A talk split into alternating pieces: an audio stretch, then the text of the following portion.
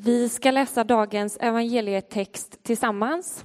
Eh, den hittar ni på sida 775 i de röda biblarna. Och vi ska stå upp tillsammans och läsa den ihop. Idag så läser vi från Johannes evangeliet kapitel 21 och verserna 15 till 19.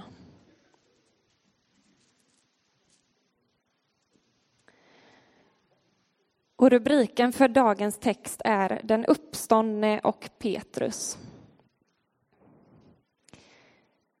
När de hade ätit sa Jesus till Simon Petrus Simon, Johannes son, älskar du mig mer än de andra gör? Simon svarade Ja, Herre, du vet att jag har dig kär. Jesus sa För mina lamm på bete. Och han frågade honom för andra gången. Simon, Johannes son, älskar du mig? Simon svarade. Ja, Herre, du vet att jag har dig kär. Jesus sa, var en herde för mina får. Och han frågade honom för tredje gången. Simon, Johannes son, har du mig kär? Petrus blev bedrövad när Jesus för tredje gången frågade har du mig kär? Och han svarade, Herre, du vet allt, du vet att jag har dig kär. Jesus sa, för mina får på bete. Sannerligen, jag säger dig, när du var ung spände du själv bältet om dig och gick vart du ville.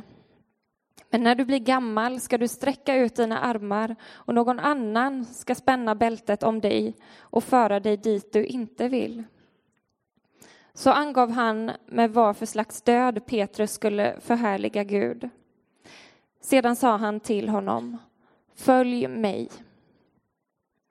Så lyder det heliga evangeliet. Lovad vare du, Kristus.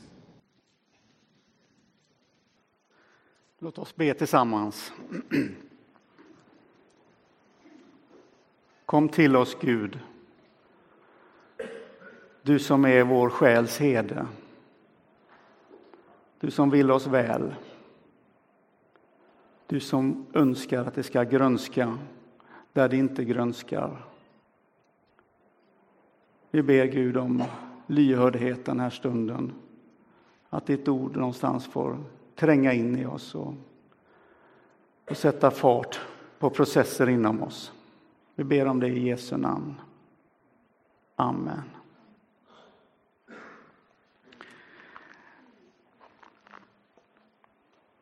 Det är många som söker jobb idag. Jag såg på någon siffra i någon statistik att det är 388 000 människor i, i Sverige som söker jobb. Så arbetslösheten, den är hög.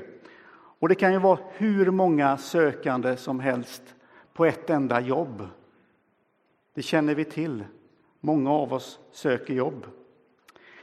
Men när det är så där många som söker jobb idag så får vi ju lära oss hur viktigt det är att presentera oss själva, eller om man ska säga paketera oss själva på ett sätt så att vi har bättre möjligheter, liksom, på ett attraktivt sätt.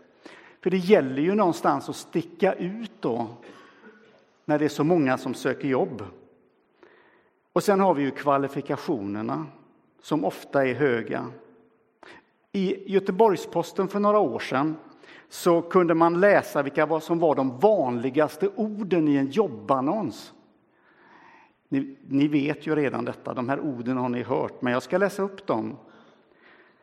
Strukturerad, självgående, prestigelös, initiativrik, ansvarstagande, utåtriktad, positiv, service-minded, flexibel, säljinriktad, stresstålig, pedagogisk, entusiastisk, analytisk, kommunikativ, kreativ, disciplinerad, resultatinriktad, noggrann och tävlingsinriktad. Oj, jag kände, det kändes lite jobbigt att läsa alla de här orden. Så säg mig den människa eh, som inte någon gång har fejkat, i alla fall lite granna, och försökt att sälja in sig lite bättre än vad man egentligen är. Och sen har vi det här med våra personliga svagheter. Hur ska vi förhålla oss till dem? Och när vi kommer på en jobbintervju, vad ska vi göra med det som vi inte vill ska komma fram riktigt? Om vår historia eller vad vi har med oss i vårt bagage. Hur förhåller vi oss till det som inte är så bra i våra liv?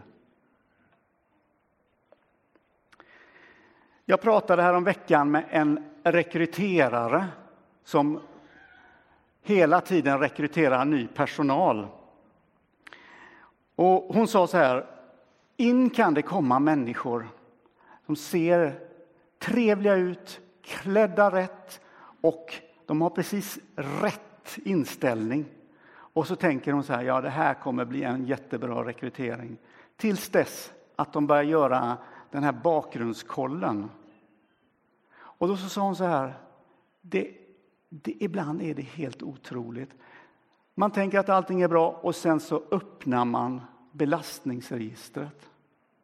Och man tror inte att det är sant vad som står där. Det kan vara allt möjligt. Och då blir det inget jobb. Och då, blir det bara, då stängs dörren. När Jesus rekryterar Petrus till ett extremt central och viktig position i kyrkans historia. Som en ledare, som en herde i den här sköra tiden i den tidiga församlingen. Det var inte stabilt någonting så, utan ganska så här turbulent. När han, när han eh, eh rekryterar honom, då frågar ju inte Jesus, det ser inte jag i den här texten i alla fall, hur disciplinerad är du? Är du stresstålig, Petrus? Hur har du det med din kärlek till förändring? Är den på topp?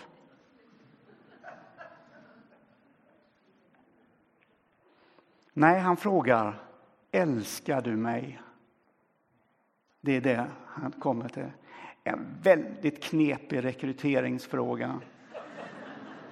Är det någon som rekryterar här så ta med, ni får den gratis den frågan.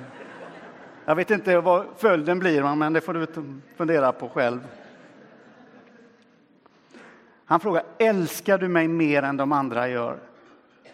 Är det inte förundligt märkligt att det är den enda frågan som Petrus får inför sin kallelse och sitt uppdrag? Och när han så svarar ja, då kommer själva uppdraget för mina lamm på bete. Jesus behövde ju inte göra en bakgrundskoll på Petrus och kolla hur det såg ut i hans belastningsregister. Om han hade några betalningsanmärkningar eller vad han nu behövde göra. Han behövde inte ringa några referenter tillbaka i Petrus historia för att få en riktigt bra bild. Han kände väl till Petrus. Han hade ju levt med honom dag och natt i tre år. Det vet ju alla att man lär sig mycket av att vara nära människor. Så, ni som har gått på folkhögskola till exempel. Ni vet ju hur, mycket, hur tajt man blir med människor när man lever så där liksom tätt med andra människor.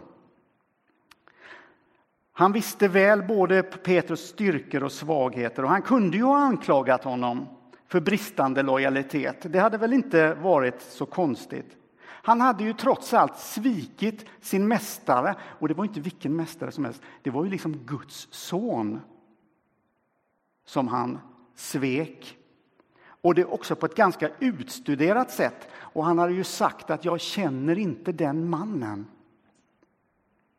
Kunde man verkligen lita på någon som förnekat den Jesus som han då själv hade sagt att jag kan gå i döden för dig. Jag, jag, jag minsann, lita på mig. Så här. Och sen så, sen så gör han någonting annat. Utifrån en rekryteringssynvinkel så är, ger det ett ganska ostabilt intryck, tycker ni inte det?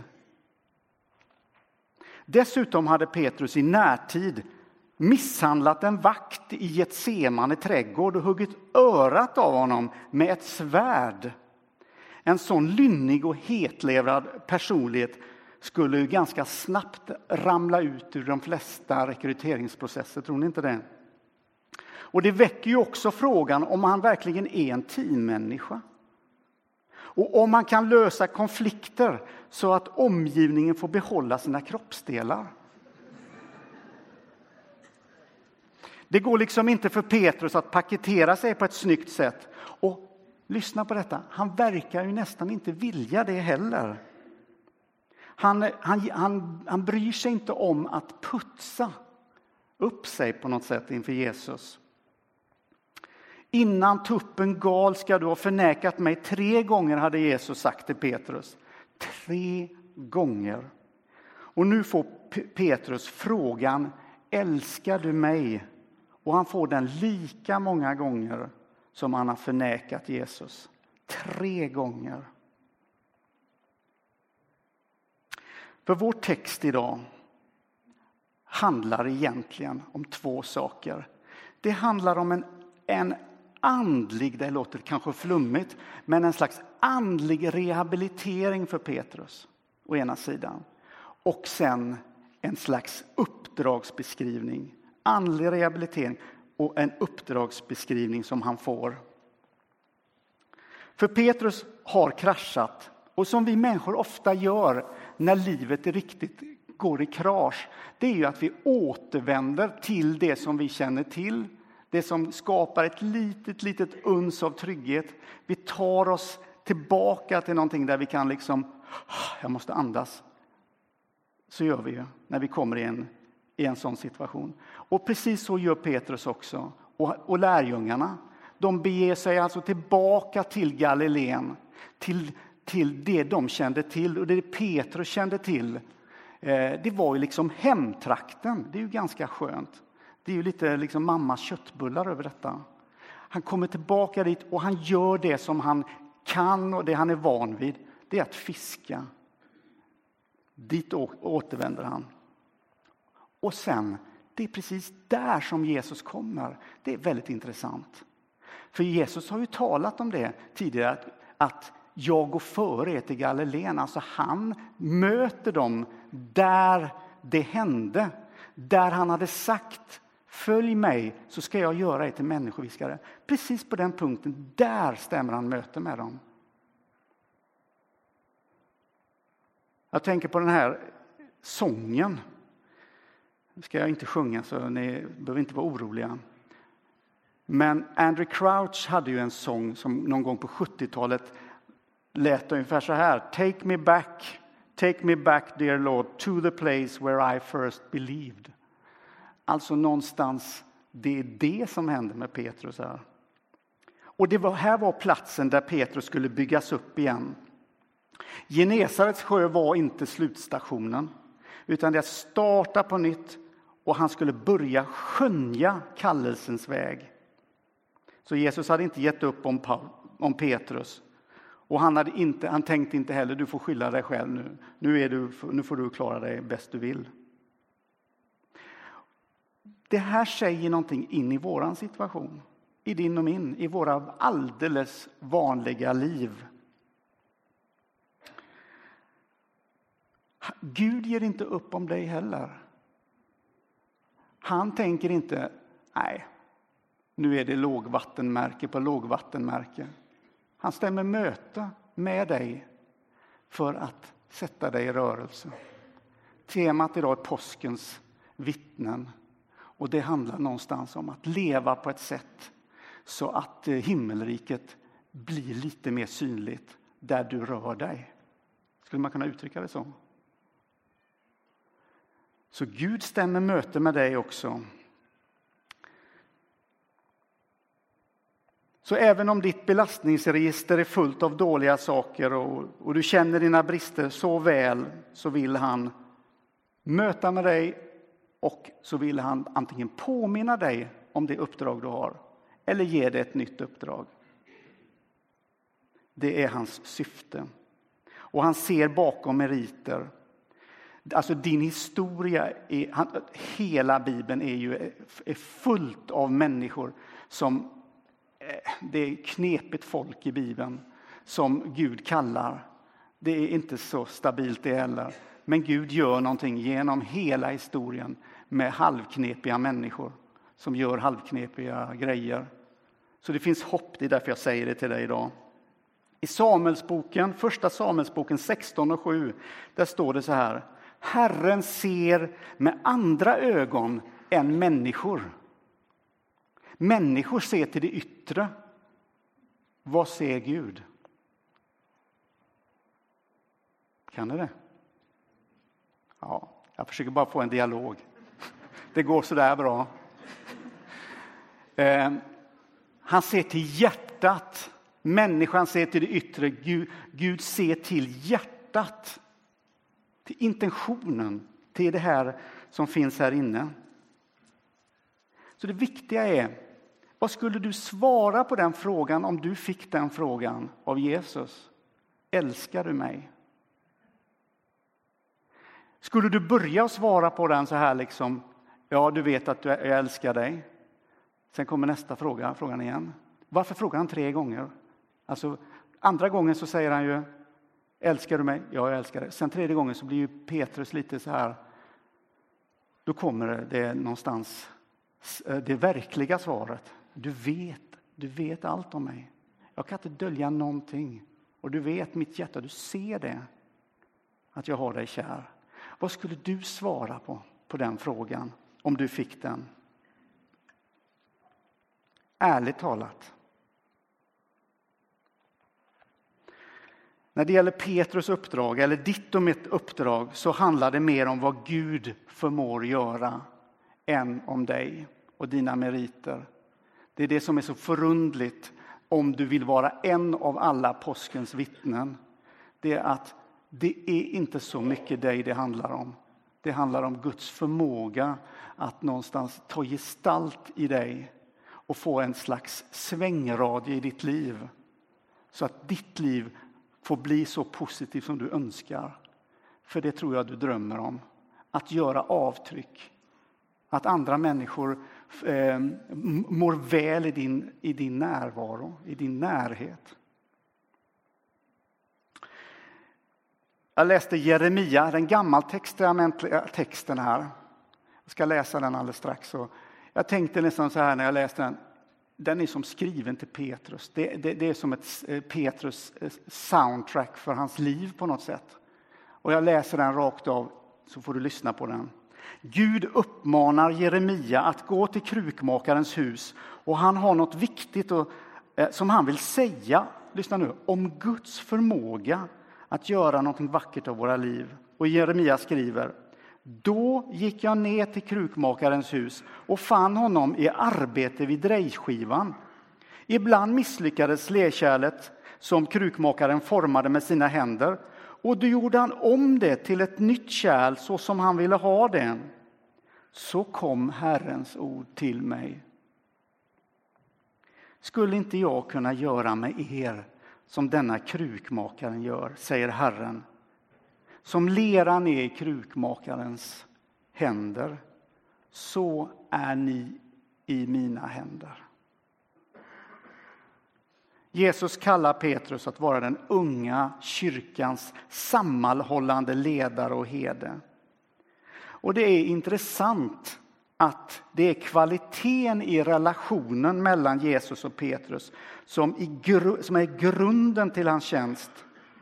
Och det som liksom bygger fundamentet på hans uppdrag, så är det relationen. Alltså, vad, vad har vi på gång mellan oss, Petrus? Skulle man kunna säga att Gud skulle tänka. Hur känns det? Är det bra? Det är som en pipeline, tänker jag, mellan Guds hjärta och Petrus hjärta. Vad är det som färdas i den pipelinen? Är det, är det ett flöde? Är det, är det en ömsesidighet? Vad är det som händer? Och mellan varje gång som Jesus, eh, som, Pet, eh, som Jesus frågar Petrus om han älskar honom så får han uppdraget igen. För mina lamm på bete.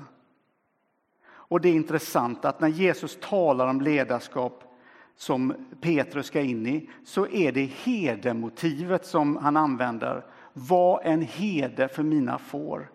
Och du som kanske läs, har läst eh, mycket Gamla testamentet och överhuvudtaget Bibeln kanske känner till den här att det finns ju också destruktiva herdar som beskrivs genom Bibeln. Herdar som inte har fårens bästa för ögonen.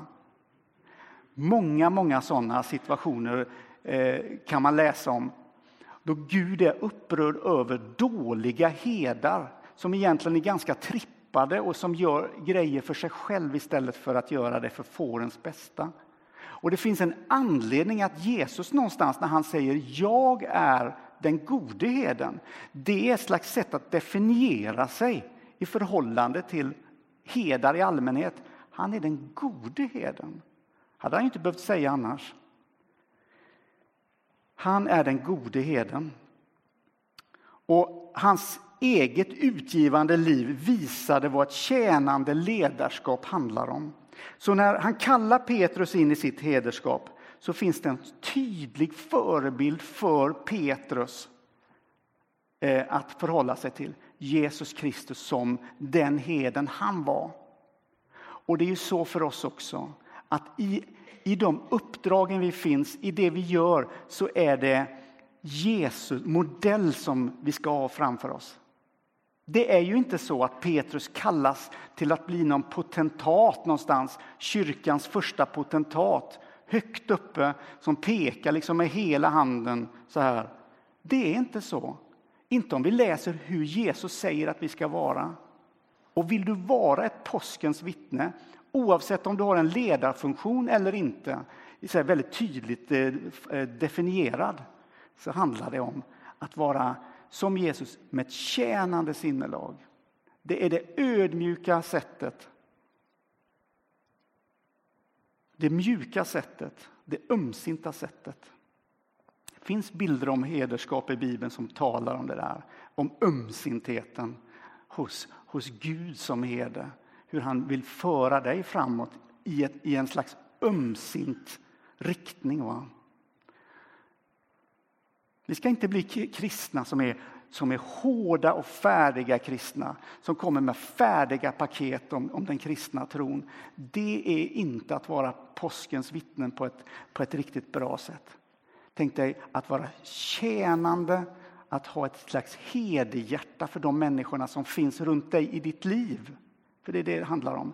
Alla egentligen är ju ledare, tänker jag. Alla har människor som, som några människor, vissa har fler, vissa har färre, men man har någon som man har ett inflytande över, alltså där man har en ingång i. Eller människor som har gett dig access in i deras liv. Så kan det ju vara också. Du kanske har någon väninna som du samtalar med, du är ute och fikar eller vad du gör. Och du vet så väl att det finns en, att den personen har gett dig access in här. Var en herde för den människan. Ni som är, lever tillsammans i en relation, var herdar för varandra.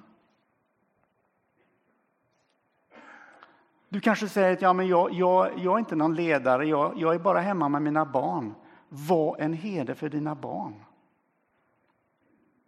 Herdemotivet kan du plocka in, sätta in i ditt vardagsliv. Det är inte någonting som är väldigt främmande. Ta in det i ditt liv. Det är inte maktens språk vi pratar om här. Det är tjänandets väg.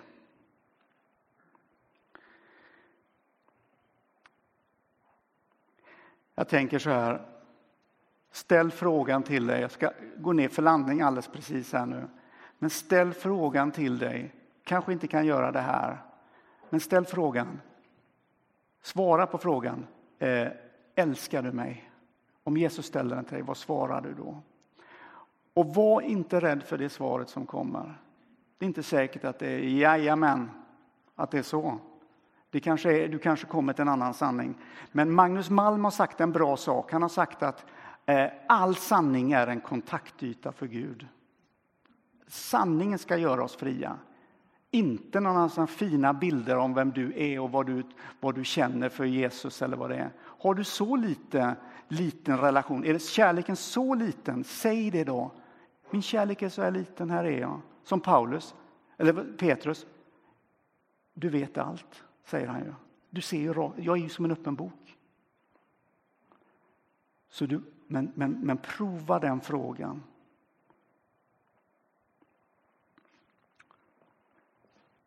Och fråga honom nästa fråga.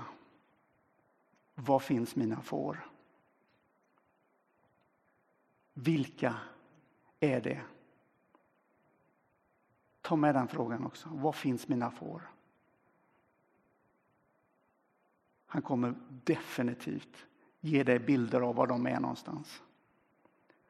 Och så får du gå ut och så får du vara det här påskens vittne som, som är kyrkans fantastiska uppdrag. Att på olika sätt berätta eller bara genom att bry sig om, som vi säger, eller vad det nu är, ditt sätt att leva. Uttrycka det fantastiska, att uttrycka det fantastiska att Jesus Kristus har uppstått för att ge hopp till människor som inte har något hopp. Och där får du vara en liten pusselbit. Du får vara med. Och så slänger vi alla våra CVn och allting undan. Bort med det. Och så vet du det, att Gud kommer använda dig med det du har. Din kompetens är inte oviktig för Gud, det är inte så jag säger. Men om du litar på din kompetens mer än på Guds förmåga att göra saker och ting, så, är det, så, är det, så blir det fel. Så låt oss gå och låt oss tjäna Herren med glädje. Amen.